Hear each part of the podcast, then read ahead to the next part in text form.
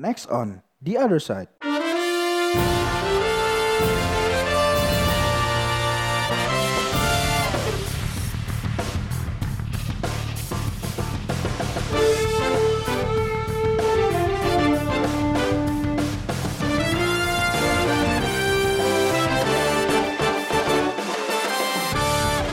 Assalamualaikum warahmatullahi wabarakatuh. Weh, balik lagi nih di podcast Other Side Pijak Media Network setelah libur lebaran nih Ki ya. Iya, Eh, lebaran ngapain aja nih? Di kampung. nggak ada Cuk ngopi. Jadi sebenarnya di Heeh. rumah tuh membosankan ya. Karena kegiatan-kegiatan sama teman-teman semua di sini kan. Iya, misalnya teman-temanku yang di sana juga pada mudik Cuk. Sama apalagi kasihannya tuh orang Jakarta. Di Jakarta teman-teman mudiknya ke Jawa semua. Ke Jawa Barat, Jawa Tengah, Jawa Timur. Hmm, kalau tempatku orang-orang mudiknya ke Sumatera Barat. Nah, Oh, malah banyak orang Sumatera Barat sana. iya. Kita baru mendengarkan ini nih apa?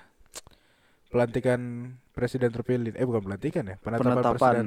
Nah, tapi yang banyak jadi omongan nih tentang sidang MK nih. Kenapa tuh sidang MK tuh? Sidang MK kan udah lima kali. Eh, kan dia konsepnya speedy trial ya. Jadi sidangnya cepat gitu, nggak nggak harus manut sama pe- pemohon termohonnya gitu-gitu. Jadi eh, mereka memutuskan cuman lima kali sidang gitu. Tapi yang menarik dari itu kan banyak dibikin meme tuh, kayak kompilasi-kompilasi video gitu Iya, kan. iya. Nah itu Iya, iya, iya, iya, betul. kompilasi-kompilasi lucu-lucuan gitu kan. Hmm. Nah itu kalau yang kulihat sih, kalau orang kan nganggepnya ini saksi lucu gitu. Tapi sebetulnya di balik itu semua aku lihat memang itu kayak salah satu kompetensi hakim gak sih? Dia tuh ngetes logika dari si saksinya ini. Apa ngetes apa? Kompet. Ngetes apa konsistensi logikanya. Oh, iya. Kan ada sempat yang dimarahin tuh. Mm-mm. Tadi kamu bilang gini, setelah ditanya hakim lain kok begini jawabannya gitu. Mm-mm. Ini gimana tuh? Ya, sebenarnya kita mau ngomongin apa nih? Sekarang Kita nih. ngomongin tentang ini kali ya, tentang logikanya ya. Logika apa pun sih sebetulnya. Cara berpikir Oh. orang gitu loh. Cara berargumen gitu ya. Mm-mm. Iya, berarti kita ngambil kasusnya pertama nih masalah masalah kesaksian di sidang MK gitu. Iya. Iya, aku nggak ngerti aja maksudnya kayak kayak eh, apa yang ada di balik dalam pikirannya si hakim itu untuk menyingkap eh, sebuah kebenaran yang berdasarkan daripada kesaksian itu kan.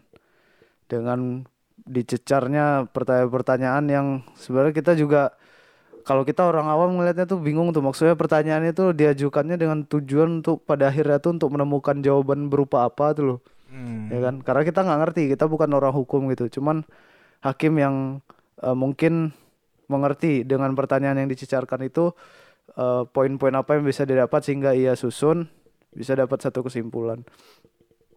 Nah sebenarnya eh apa ya masalah persidangan itu ke- keputusan dari sebuah persidangan itu karena se- apa ya persidangan entah itu sengketa kasus apa kayak gitu termasuk inilah ya, masalah pemilu ini. Ini sebenarnya tuh menurutku ya itu bukan mencari sebuah kebenaran tuh loh Mm-mm.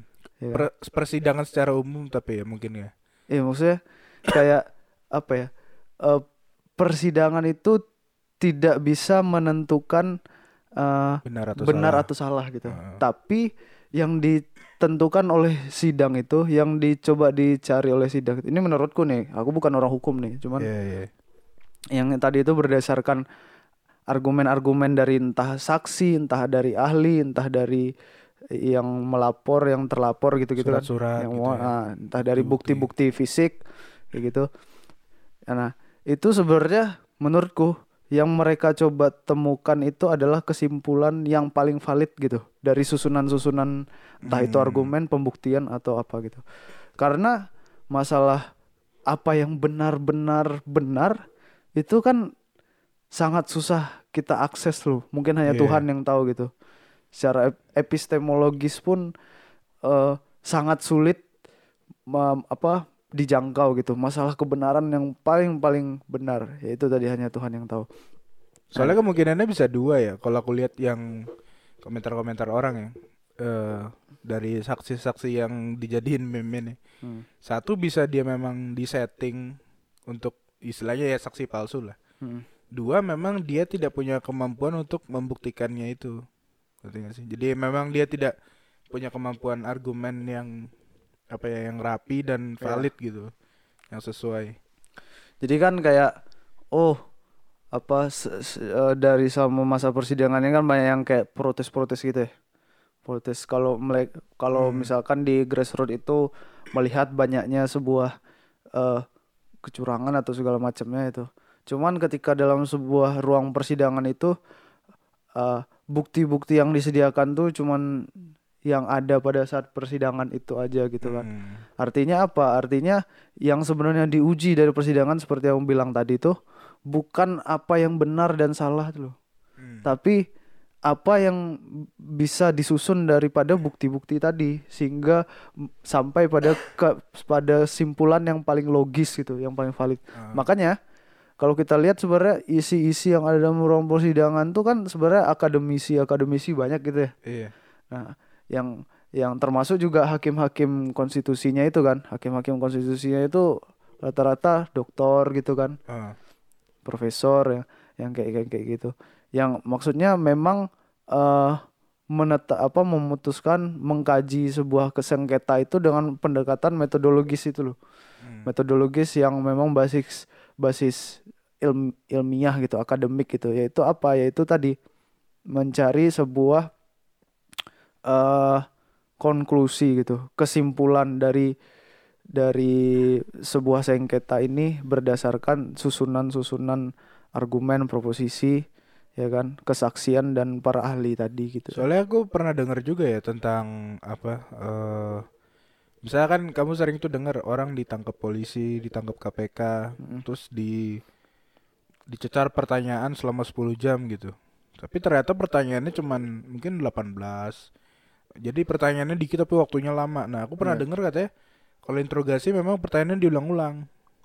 Pertanyaannya Hmm. diulang-ulang atau aku lupa ya, ada ilmunya gitu loh. Kayak misalnya kita bikin kuesioner. Nah, kita tuh buat nguji validitas dia antara satu pertanyaan dengan pertanyaan lain tuh dibikin pertanyaan validitas gitu. Misalnya gini. eh apakah Anda suka belanja online gitu misalnya? Kan jawabannya ya atau tidak kan. Hmm. Nanti pertanyaan kedua, pertanyaannya tuh di manakah Anda suka berbelanja produk apa gitu. Nah, Hmm. jawabannya kan harusnya dia jawabnya online juga kan.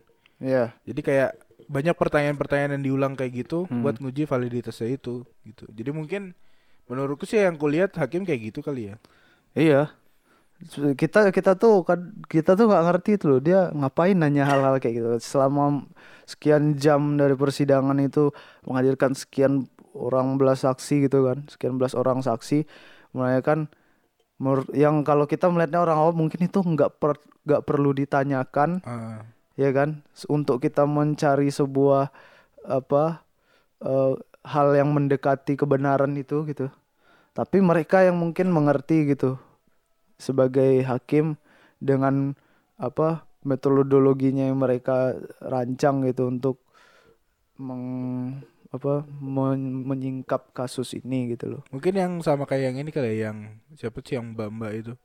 Yang sampai ditanya Anda duduk di mana sebagai saksi gitu-gitu. Jadi Ah. padahal kan harusnya kalau kita mikirnya ngapain sih nanya-nanya gitu kan? iya Oh, iya. nggak penting amat tapi ternyata itu penting menurut Hmm. dia ya maksudnya kayak membuktikan dia tuh sebagai apa dan dia ngapain dan Hmm. kesaksian dia tuh layak diterima atau enggak gitu loh Iya. Termasuk itu tadi sih kayaknya apa ya? Masalah kekonsistenan argumen gitu kan. Mm. Apakah sepanjang dia memberikan kesaksian itu ada argumen-argumen yang ternyata muncul tidak konsisten gitu, yang Hmm. malah kontradiktif gitu, kontraproduk eh, kontra ya berlawanan gitu ya. Yang malah berlawanan. Nah, itu kan ya patut dicurigai yang mana argumen yang benar, yang mana argumen yang salah, tapi muncul dari satu mulut yang sama gitu kan. Atau mungkin misalnya gini dia udah membangun argumen inti inti tuh dalam arti yang sebagai kesaksiannya dia gitu ya. Hmm. Eh, mungkin dia udah dirancang atau memang eh, dia menyusunnya benar gitu nggak akan kontradiktif. Tapi mungkin jadi hakimnya nanya hal-hal yang sepele untuk nguji itu. Jangan-jangan dia sebetulnya kayak misalnya argumennya itu dihafal gitu loh. Ngerti nggak Hmm, sih? Iya. nah dia akhirnya nguji dengan yang kayak sepele-sepele tadi Hmm. gitu misalnya gini misalnya gitu gitu kalau dia sampai kayak kelihatan bohong ya mungkin itu akan menjadi pertanyaan juga kayak yang ini loh yang ibu-ibu nemu tumpukan sampah isinya kertas-kertas KPU itu Ah, kan uh, si hakimnya sampai nanya Ah. jaraknya berapa gitu kan ah, nah ternyata dicek di Google Hmm. yang yang itulah yang ternyata cuman berapa kilo terus jangan dibilang aspal nggak ada mungkin ah. Itu kan kalau kita mikirnya ngapain sih ditanyain Ah. jarak-jarak gitu kan nggak ada nggak ada urusannya tapi Hmm. mungkin itu sebagai justru sebagai alat validasi untuk si saksinya ini Iya. Itu sih apa ya? eh argumen tuh nggak nggak sekedar menurutku nggak sekedar cuman masalah substansi permasalahan yang dibahas doang gitu loh. Tapi konteks-konteks yang mengitari masalah itu, Hmm. yang itu juga bisa jadi bisa jadi memperkuat atau bisa bahkan memperlemah gitu, memperlemah Ah. argumen dan meng- leb- mungkin bisa mengarahkan gitu pada sebuah kesimpulan gitu kan. Mungkin kayak tadi masalah sampah-sampah amplop-amplop itu kan. Dia memberikan argumen atau kesaksian yang berkenaan dengan masalah kenapa sampah itu bisa di tertumpuk di situ gitu kan. Hmm. Nah, cuman konteks-konteks yang ada di luar itu kan ada dalam bentuk pertanyaan yang lain tuh bisa Iya. bisa kenapa, bisa bagaimana, bisa kapan, bisa di mana, bisa siapa yang terikat dalam satu argumen itu sebagai konteks yang ada di luar dari permasalahan bukan yang ada di luar sih, tapi yang yang tidak langsung tapi mempengaruhi mungkin ya, mempengaruhi kayak berapa jaraknya mungkin kayak gitu. Itu bisa saja menjadi konteks yang nanti menjadi sebuah alat bantu pembuktian gitu kan. Aku saking gabutnya kemarin ya. Jadi kan kalau orang yang manusia Twitter gitu ya, banyak kan po- lihat potongannya kan. Aku saking gabutnya kemarin tuh waktu sidang MK tuh nontonin, memang full, ya nggak full full banget sih, tapi Hmm. nggak yang potongan gitu. Memang eh semua pihak melakukan sih, misalnya kayak eh si misalnya pem- pemohon ngasih saksi gitu. Pemohon kan pasti ngarahin pertanyaan yang mendukung pemohon kan. Nah termohon Ya. pun selain nanya substansi, nanyanya yang di luar tadi kan. Kayak misalnya kalau yang dari potongan-potongan Twitter juga ada yang terkenal tuh misalnya eh yang siapa yang si hakim hampir ngusir Bambang Wijayanto itu. Iya. Nah itu kan eh istilahnya hakim mempertanyakan kan. Lalu masyarakat daerah terus bukan sebagai saksi di daerahnya tiba-tiba minta data tiba-tiba ngelola gitu kan maksudnya. Mm. Jadi hakim mempertanyakan lu tuh saksi apa saksi ahli jangan-jangan gitu kan. Walaupun itu tidak apa ya, itu bukan sebuah masalah yang jadi substansinya gitu kan. Katakanlah substansinya itu adalah yang dia sebutkan itu, Hmm. yang dia sebutkan yang disebutkan oleh saksi itu misalkan apa? Penggelembungan apa sih? Suara. Suara Kalau yang Itu yang ini yang KTP palsu. ah, KTP palsu yang ganda, gitu-gitulah. bocah. Bocah di bawah umur gitu kan, ada yang Ah. ganda, ada yang Ah. RT palsu, apa? Kecamatan palsu. Mm-mm. Substansia kan di situ. Mm-mm. ya kan Eh, apa namanya perdebatannya ada di dalam situ gitu Mm. cuman itu tadi sih benar bahwa eh, ada konteks-konteks yang bisa jadi alat bantu untuk menjelaskan itu Mm. tentang pertanyaan-pertanyaan yang terikat di pada argumen itu tadi termasuk misalkan kamu itu siapa sebenarnya gitu kan Iya, so- soalnya Ya, kan ah, yang ku perhatiin ya setelah ku nontonin aku sih soto aja. Mungkin kalau ada teman-teman anak hukum bisa memperbaiki. Saksi itu kan melihat, Ya, jadi ini ya kan. sebelumnya kita minta maaf nih sama teman-teman orang Hmm. hukum kalau kita sotoy gitu kan. Karena Kita kan- nggak ngerti juga Kita ini. hanya melihat dari video-video. Ini kita cuma react gitu loh, react tentang Eh, peristiwa eh, persidangan gitu kan. eh, sama tambahin ilmu-ilmu kita dikit sotoy. Nah itu eh, saksi itu harus melihat, merasakan kan. Nah, sedangkan saat itu yang dipermasalahkan kenapa dia punya data, punya ngelola apa ngolah. Terus Hmm. yang si ibu-ibu juangi itu kan saya hanya ingin mengetahui tiba-tiba datang malam-malam. Nah, itu mungkin ya mempertanyakan gitu ngapain gitu. Ya balik lagi tadi mungkin itu sebagai validasi juga oleh misalnya oleh hakim, oleh termohon, oleh pemohon bahwa dia tuh memang memberikan kesaksian yang valid gitu loh.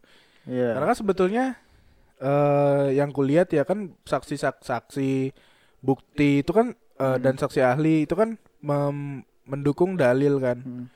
Nah berarti kan se- sebetulnya dia krusial untuk bahwa dia sebetulnya bener nggak nih gitu. Eh, bisa bisa dibuktikan gak nih bahwa dalilnya eh, didukung oleh saksi yang ngomongnya valid gitu. Hmm. Nah, kalau aku nyimpulkan sih tentang masalah-masalah persidangan MK ini ya terkait sengketa pemilu ini.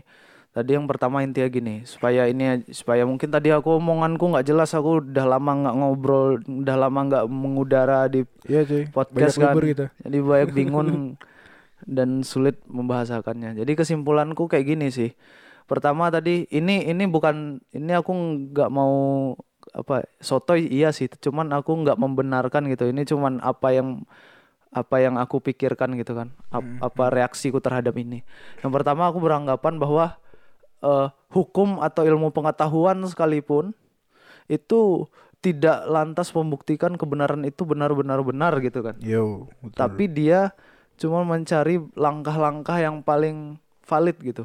Langkah-langkah susunan-susunan eh, argumen katakanlah itu yang valid kepada satu sebuah pembuktian. Valid adalah dalam artian metodologinya jelas dan bisa mendekati pembuktian itu gitu. Hmm. Terkait benar atau salahnya itu balik ke Tuhan gitu. Jadi kan sebetulnya kalau kita ngomongin tentang logika ini kita yang harus kita pelajari atau kita pahami kan tentang struktur-struktur argumen, premis gitu-gitu kan. Nah, Iya. daripada kita ngomongin MK dibilang kita berpihak, mendingan kita ngomongin yang udah ada yang lain-lain lagi nih. Masalah argumen-argumen yang di apa yang dikemukakan orang yang terkenal nih tentang Pak Ustadz nih. Pak Ustadz Rahmat Baikuni Ustadz itu ya. katanya. Tapi Oke, ya oke, kita oke. terima saja bahwa Iya, dia ustadz lah. dia bilang yang sebenarnya banyak sih videonya kan setelah itu kan dia jadi terkenal kan. Aku juga kepo. Aku nggak per aku nggak tahu dia tuh sebelum Illuminati Illuminati itu kayaknya. Iya makanya eh malah ten- dia terkenal gara-gara masjid kan. Ah, masjid Illuminati itu. Masjidnya Ridwan Kamil kan. Nah ternyata kan ada tuh videonya daurah akhir zaman namanya. Videonya dua jam tentang Illuminati Illuminati gitu. Nah, itu menurutmu gimana tuh? Mungkin sepengetahuanmu apa yang udah kamu lihat dari dia gitu. Ini kalau kita terkait tadi masalah logika tadi juga ya. Sebagai tema Hmm. obrolan kita sekarang nih. Jadi kalau kalau kita bilang apakah Rahmat Baikuni itu logis atau tidak gitu.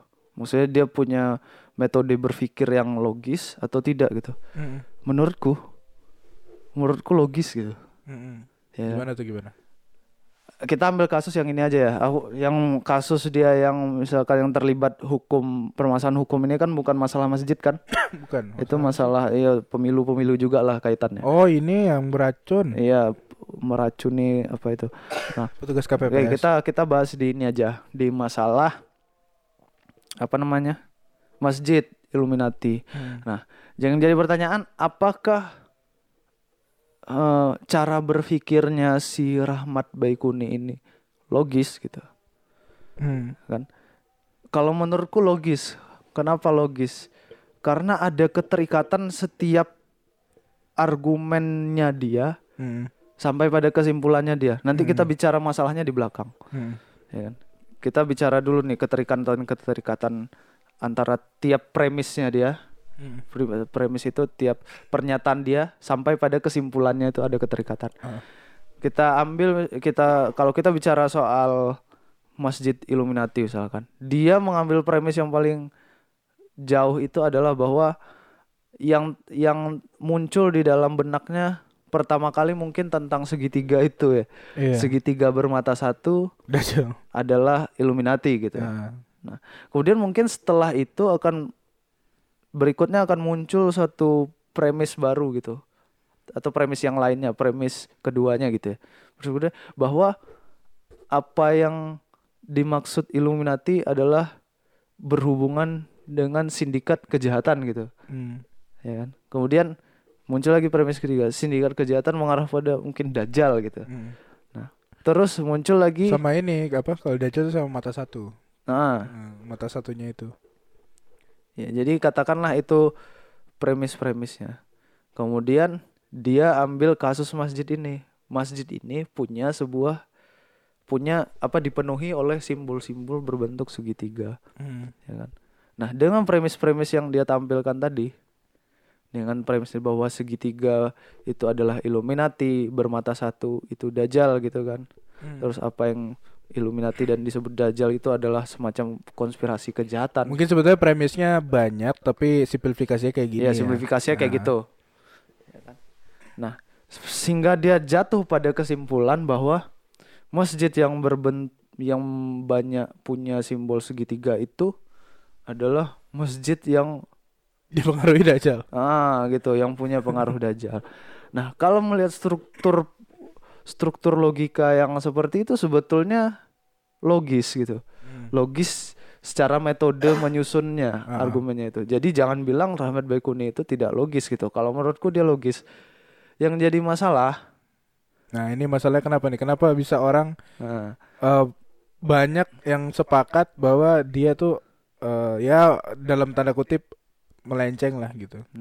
yang jadi masalah setiap premis itu bisa absah, bisa tidak gitu. Aku kurang aku kurang ingat gitu istilah-istilah dalam logika itu dasar-dasar logika itu. Absah dan tidak itu adalah soal benar atau tidak gitu. Hmm. dan benar atau tidak ya kan itu apakah dia bisa dikatakan benar kalau misalkan dia hanya menjadi sebuah eh, pengalaman subjektif satu orang? Katakan itulah itu si Rahmat Baikuni. Artinya apa artinya mungkin dari setiap premisnya itu dia dasarkan dari cuman pengalaman subjektif ya dia Hmm. ya kan? Pengalaman subjektif. Masalahnya tuh sebenarnya menurutku ada di situ sih. Masalahnya ketika dia berupaya setiap premis-premisnya itu berupaya dia tanamkan dalam eh, pengalaman sub eh, apa kolektif gitulah dalam sebuah realitas kolektif masyarakat. Hmm. padahal pengalaman itu da, d- didas apa padahal premis-premis itu didasarkan daripada pengalaman subjektif dirinya sendiri tapi coba ditanamkan dalam pikiran kolektif Hmm. masyarakat nah di situ yang menurutku terjadi masalah sih Nah, mungkin mungkin itu sih bagi aku apa simpelnya gitu Cuman secara tadi kan kamu bilang eh, logis gitu kan. Hmm. Dan aku melihat dia secara argumen kuat. Kuat tuh dalam arti gini. Dia telah mengikuti walaupun sebetulnya nggak ada kaidahnya juga ya, tapi dalam struktur argumen tuh dia kuat. struktur argumen yang aku pelajari itu kan ada tujuh ya. Hmm. Pertama eh, clickbaitnya, hook. Kan dia eh, dalam ceramahnya itu daurah akhir zaman. Ya berarti kan tentang kiamat kan. Nah, dari zaman Nabi tuh orang suka ngebahas tentang kiamat gitu loh. Hmm. Jadi kan itu sebuah apa yang bagus gitu, pancingan yang bagus. Hmm. Dua dia me- ngasih standing position. Standing position dia berarti ya mungkin membela bahwa eh, tanda-tanda itu benar adanya gitu Mm-mm. sebagai penetrasi Mm, mm, mm. dajjal ke umat muslim misalnya gitu. oke Terus ketiga dia tuh menggunakan apa namanya? eh aku lupa. Oh, ini menggunakan cerita Hmm. cerita etos dia menggunakan cerita dalam arti itu dia tuh menyampaikannya baik dengan menggunakan emosi kayak misalnya apakah Hmm. kalian rela dajjal mengpenetrasi hidup kita gitu kan kalau Hmm, kamu hmm. di- i- dengerin dia cara dia ngomong dia tuh public speakingnya bagus banget gitu Iya. orang tuh yakin gitu emosinya termainkan Hmm.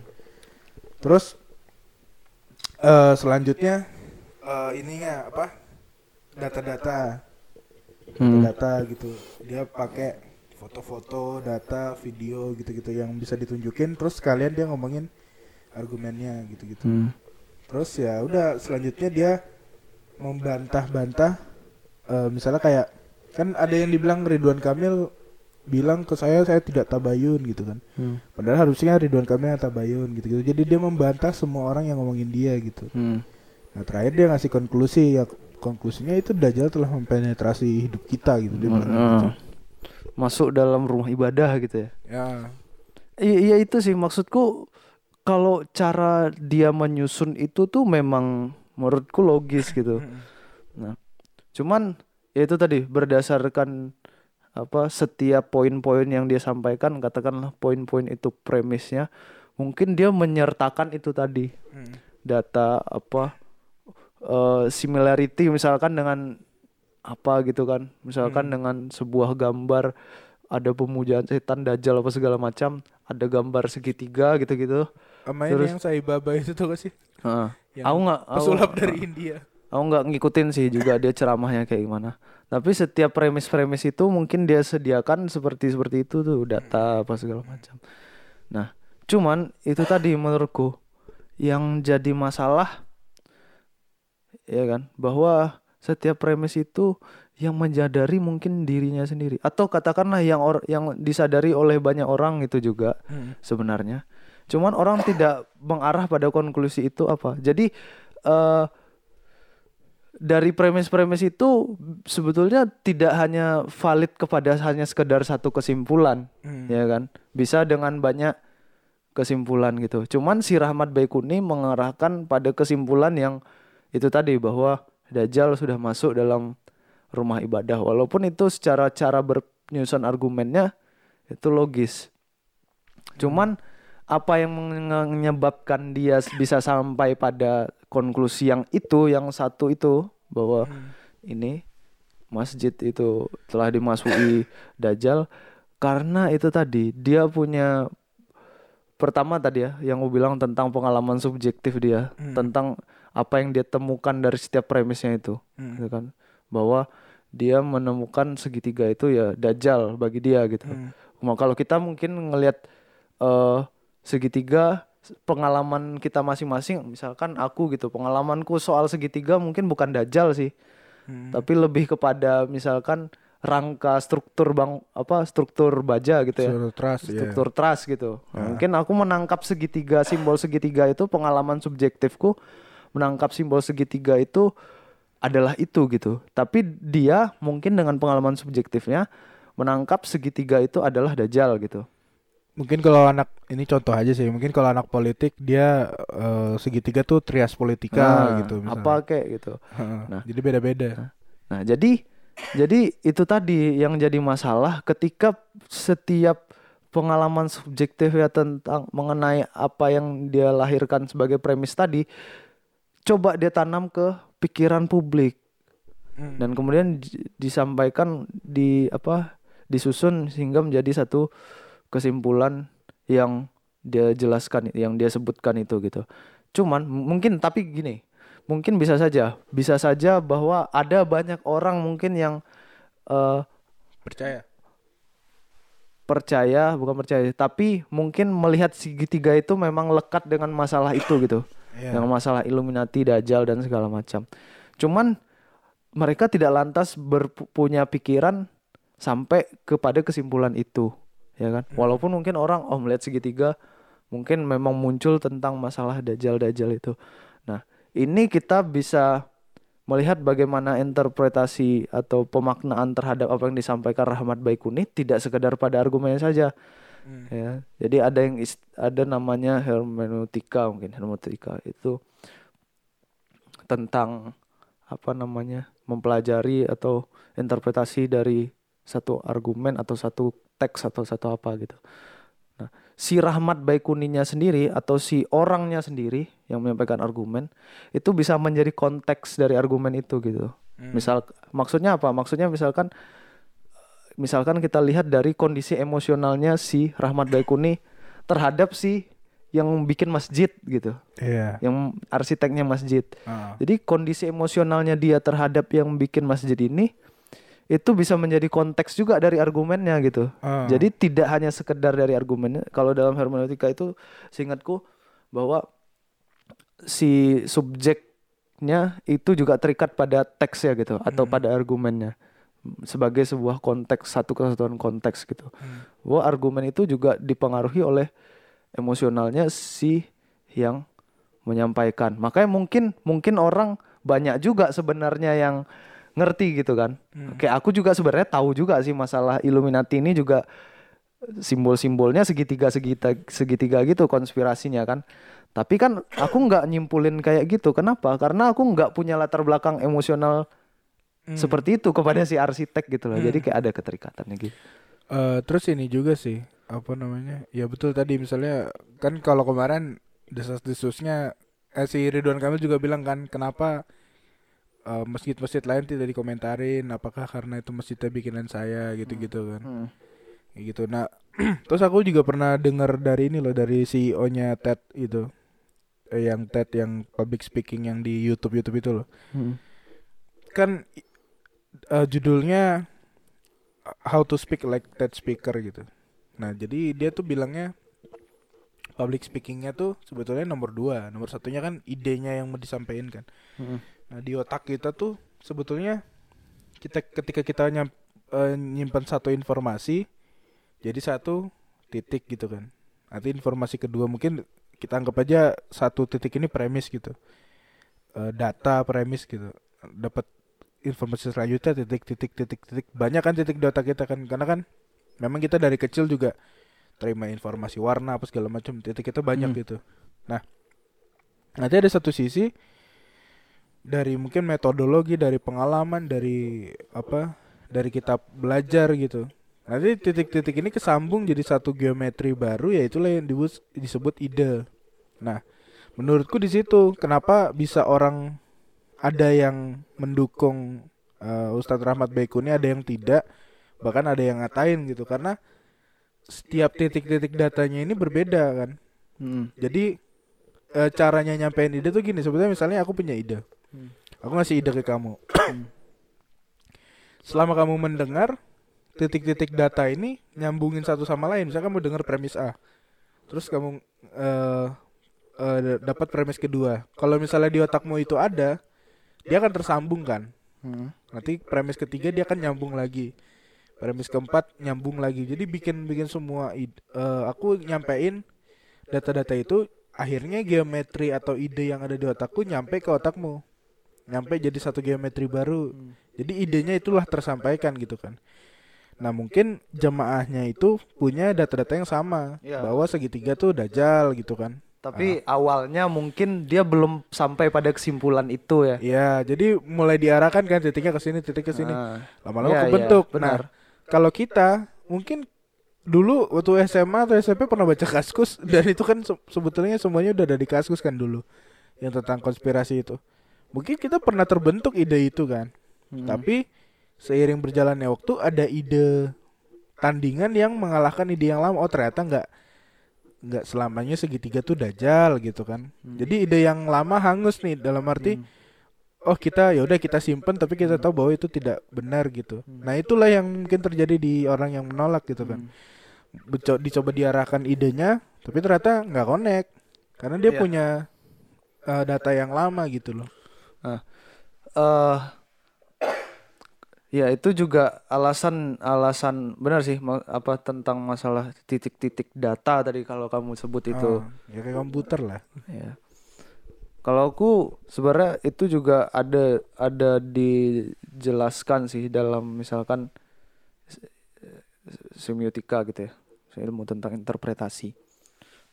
Tadi terkait aku bicara soal pengalaman subjektif itu aku contohin deh gini. Mungkin teman-teman nanti bingung gitu kan pengalaman subjektif tuh apa gitu.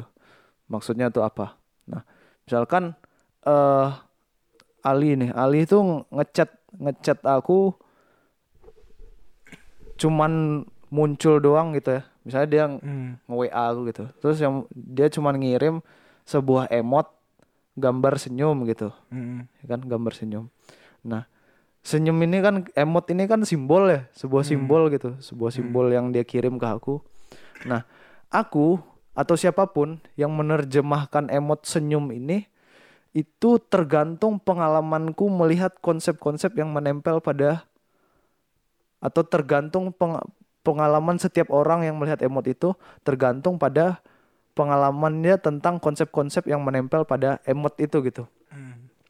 misalkan aku yang mungkin tadi yang kamu bilang titik data yang tertanam di kepala aku- yang tertanam di kepala aku itu itu tentang eh, konsep tentang bentuk bulat gitu misalkan Hmm.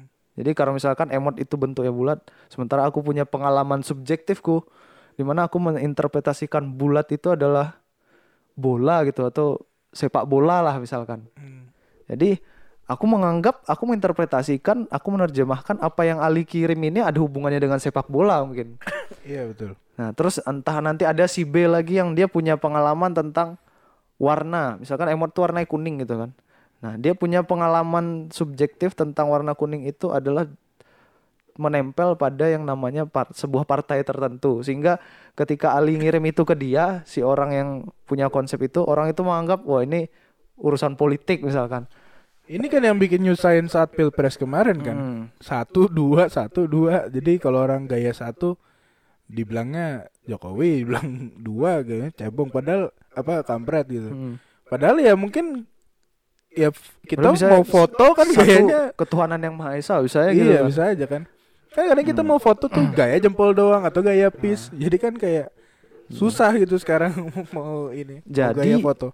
Jadi menurutku tuh kita nggak bisa mengambil menyalahkan orang yang punya pengalaman subjektif masing-masing tadi terhadap satu fenomena gitu kan. Hmm. Termasuk si Rahmat Baikuni. Hmm. Jadi yang aku kalau aku bilang aku salahkan si Rahmat Baikuni ini apa? Hmm. Yang aku salahkan adalah ya terserah dia mau dia punya pemikiran seperti itu, konsep yang lahir di kepala seperti itu. Tapi dia punya tujuan tertentu untuk menguasai pikiran publik dengan pengalaman subjektifnya sendiri gitu. Hmm. Yang mana itu mungkin juga ada kaitannya dengan masalah hubungannya dengan si arsitek, ya kan? Hubungan emosionalnya dengan si arsitek. Itu ah, bisa jadi, bisa jadi seperti itu. atau kepentingan apa gitu atau memang dia emang iseng aja Nah, yang je- yang sebetulnya jelas itu misalkan kalau kita sudah punya standar gitu. Sebenarnya apa yang apa yang disebut tadi aku bilang hukum ya kan? Dan ilmu pengetahuan itu adalah pendekatan gitu kan. Pendekatan yang punya objektif gitu. Yang Hmm. yang istilahnya sudah disepakati bahwa tidak bisa ditolak misalkan termasuk cara kita menginterpretasikan sesuatu gitu. Kalau udah ada hukum dan ilmu yang eh, apa mewakili fenomena itu gitu. Hmm. Ngerti nggak maksud? Jadi kayak kayak apa ya, kita nggak bisa menolak interpretasi tentang lampu merah di lalu lintas gitu. Bahwa lampu merah itu maksudnya adalah kita disuruh stop. Hmm. ya kan? Karena itu sudah menjadi apa ya sudah dituangkan dalam pikiran publik yang nggak lagi sekedar masalah diatur undang-undang juga Nah, udah diatur oleh undang-undang bahwa lampu merah itu harus berhenti gitu kan. Hmm. itu yang harus diterima oleh orang sebagai sebuah ya sebuah ini kesepakatan kolektif gitu loh. Ya kayak rambu lalu lintas kan sebenarnya hanya simbol kan? Iya.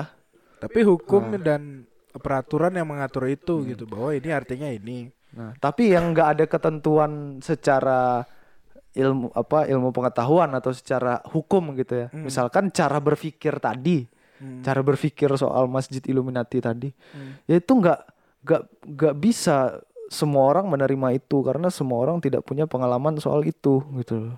makanya kan eh, waktu ada Ridwan Kamil bikin eh, klarifikasi tuh yang di masjid mana gitu dia ngomong ya sudah kalau misalnya memang begitu tidak sesuai dengan agama monggo MUI bikin Ah, ah. Nah, Kalau peraturannya begitu saya next tidak akan melakukan lagi gitu. Hmm. Maksudnya memang oh ternyata MUI sepakat tidak boleh gitu. Ini kan peraturannya pun nggak ada berarti gitu kan. Dan interpretasi kan orang jadi beda-beda gitu.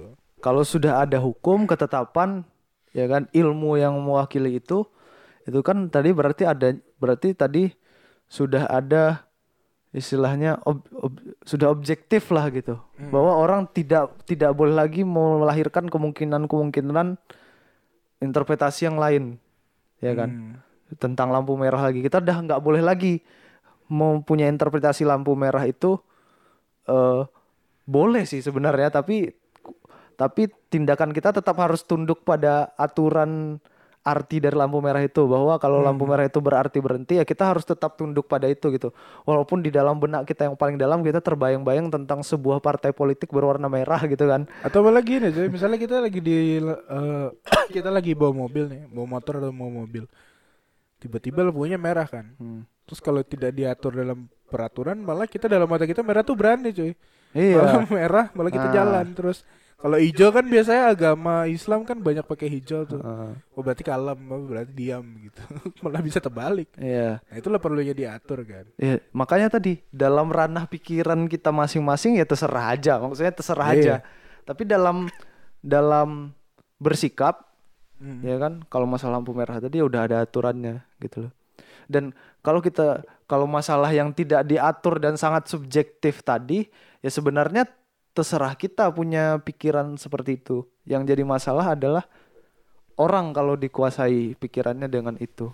Walaupun cara dia struktur struktur argumen yang disusun itu logis tapi belum tentu absah secara kolektif.